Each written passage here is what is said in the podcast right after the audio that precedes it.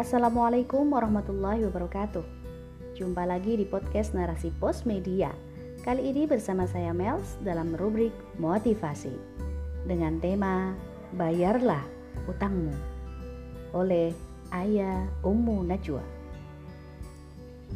Siapa manusia di dunia ini yang tidak pernah berutang? Semua orang pasti pernah berutang.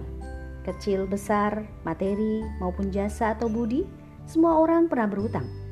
Utang piutang sendiri hukumnya boleh dalam Islam, Walaupun terkadang dan bahkan seringnya dengan dalih kebolehan ini, orang malah menjadi gemar berutang alias hobi utang. Sayangnya, hobi utang ini tidak hanya dilakukan oleh individu saja, namun mirisnya juga negara. Negara kita dengan segala kekayaannya yang senantiasa membuat iri orang luar, malah seakan tak cukup menghidupi rakyatnya. Dikarenakan sistem yang diterapkan dalam mengelola kekayaan alam itu, tak sesuai dengan hukum Islam, sehingga malah kesenjangan ekonomi dan ketidakmerataan kesejahteraan bagi rakyat atau malah dikangkangi oleh pihak asing yang terjadi, sehingga bagaikan tikus mati di lumbung padi. Demikianlah yang terjadi di negeri ini. Dalam Islam memang utang hukumnya mubah. Namun kemubahan ini sejatinya diiringi dengan beban hukum yang harus ditunaikan yaitu kewajiban untuk membayar. Di masa semua serba diukur dengan materi seperti sekarang ini, manusia seakan gelap mata terhadap hukum-hukum Islam. Semua dilakukan untuk memenuhi kebutuhan dan keinginan hawa nafsunya. Tidak peduli lagi halal haram, milik orang lain atau bukan, zolim atau tidak, yang penting mereka senang. Salah satu kezoliman yang sudah lazim terjadi dan kadang tanpa disadari adalah abai dalam membayar utang. Ketika datang meminta pinjaman, ia begitu memelas. Janji-janji manis pun dilontarkan untuk meyakinkan.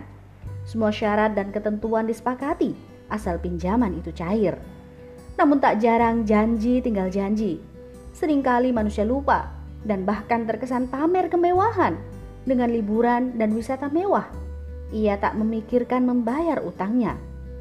Ketika dikagih, selalu menghindar dan bahkan kadang yang berutang lebih ganas dari yang memberi utang. Ingatlah, utang harus dibayar. Bahkan Rasulullah pernah menunda mensolati jenazah hanya karena si mayit masih mempunyai utang. Ada beberapa dampak yang sangat mengerikan dari pengabaian usaha melunasi utang kelak di akhirat. Di antaranya adalah pertama, jika ia meninggal dalam membawa utang yang belum dilunasi, maka ia akan terhalang masuk surga meskipun ia mati syahid. Rasulullah Shallallahu Alaihi Wasallam pernah bersabda dalam hadis riwayat Imam Ahmad nomor 22.546, Imam An-Nasai nomor 4.684, Imam At-Tabari dalam Al-Kabir nomor 556.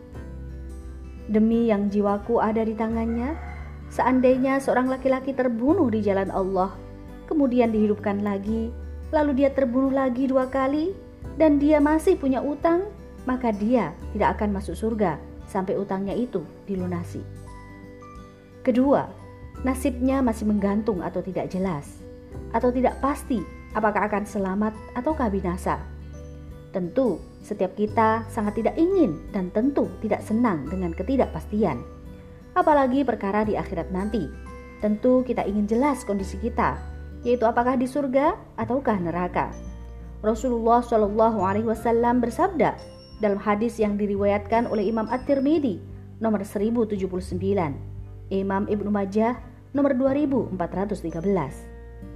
Jiwa seorang mukmin tergantung karena utangnya sampai utang itu dilunasinya. Ketiga, orang yang berutang dan berniat tidak mau untuk melunasinya, maka ia akan bertemu dengan Allah sedang statusnya sebagai pencuri. Na'udzubillah.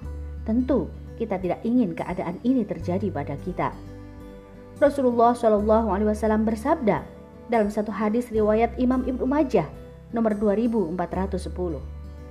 Siapa saja yang berutang lalu berniat tidak mau melunasinya, maka dia akan bertemu dengan Allah pada hari kiamat dalam statusnya sebagai pencuri. Luar biasa bahaya utang yang diabaikan. Bagaimana Islam memberikan solusi? Imam Ali berkata, pernah ada seorang budak mukatab, yaitu seorang budak yang berjanji pada tuannya akan memerdekakan dirinya dengan syarat melunasi pembayaran dengan jumlah tertentu yang mendatanginya dan ia berkata, Aku tidak sanggup melunasi untuk memerdekakan diriku. Imam Ali pun berkata, Maukah kamu aku beritahu beberapa kalimat yang Rasulullah Shallallahu Alaihi Wasallam telah mengajarkannya padaku, bahwa seandainya dirimu mempunyai utang sepenuh gunung, maka Allah akan memudahkan engkau untuk melunasinya. Hadis ini diriwayatkan oleh Tirmidzi nomor 3563. Hasan menurut beliau. Begitu pula Hasan menurut Syekh Al-Abadi. Allahumma kfini bihalalika an haramika wa aghnini bifadlika amman siwaka. Ya Allah, ya Tuhanku, cukupkanlah aku dengan apa yang halal dan jauhkanlah aku dari hal yang haram. Dan cukupkanlah aku dengan karunia dari sisimu, dari bergantung kepada selainmu. Utang itu boleh, namun kebolehan itu ada kewajiban untuk membayar.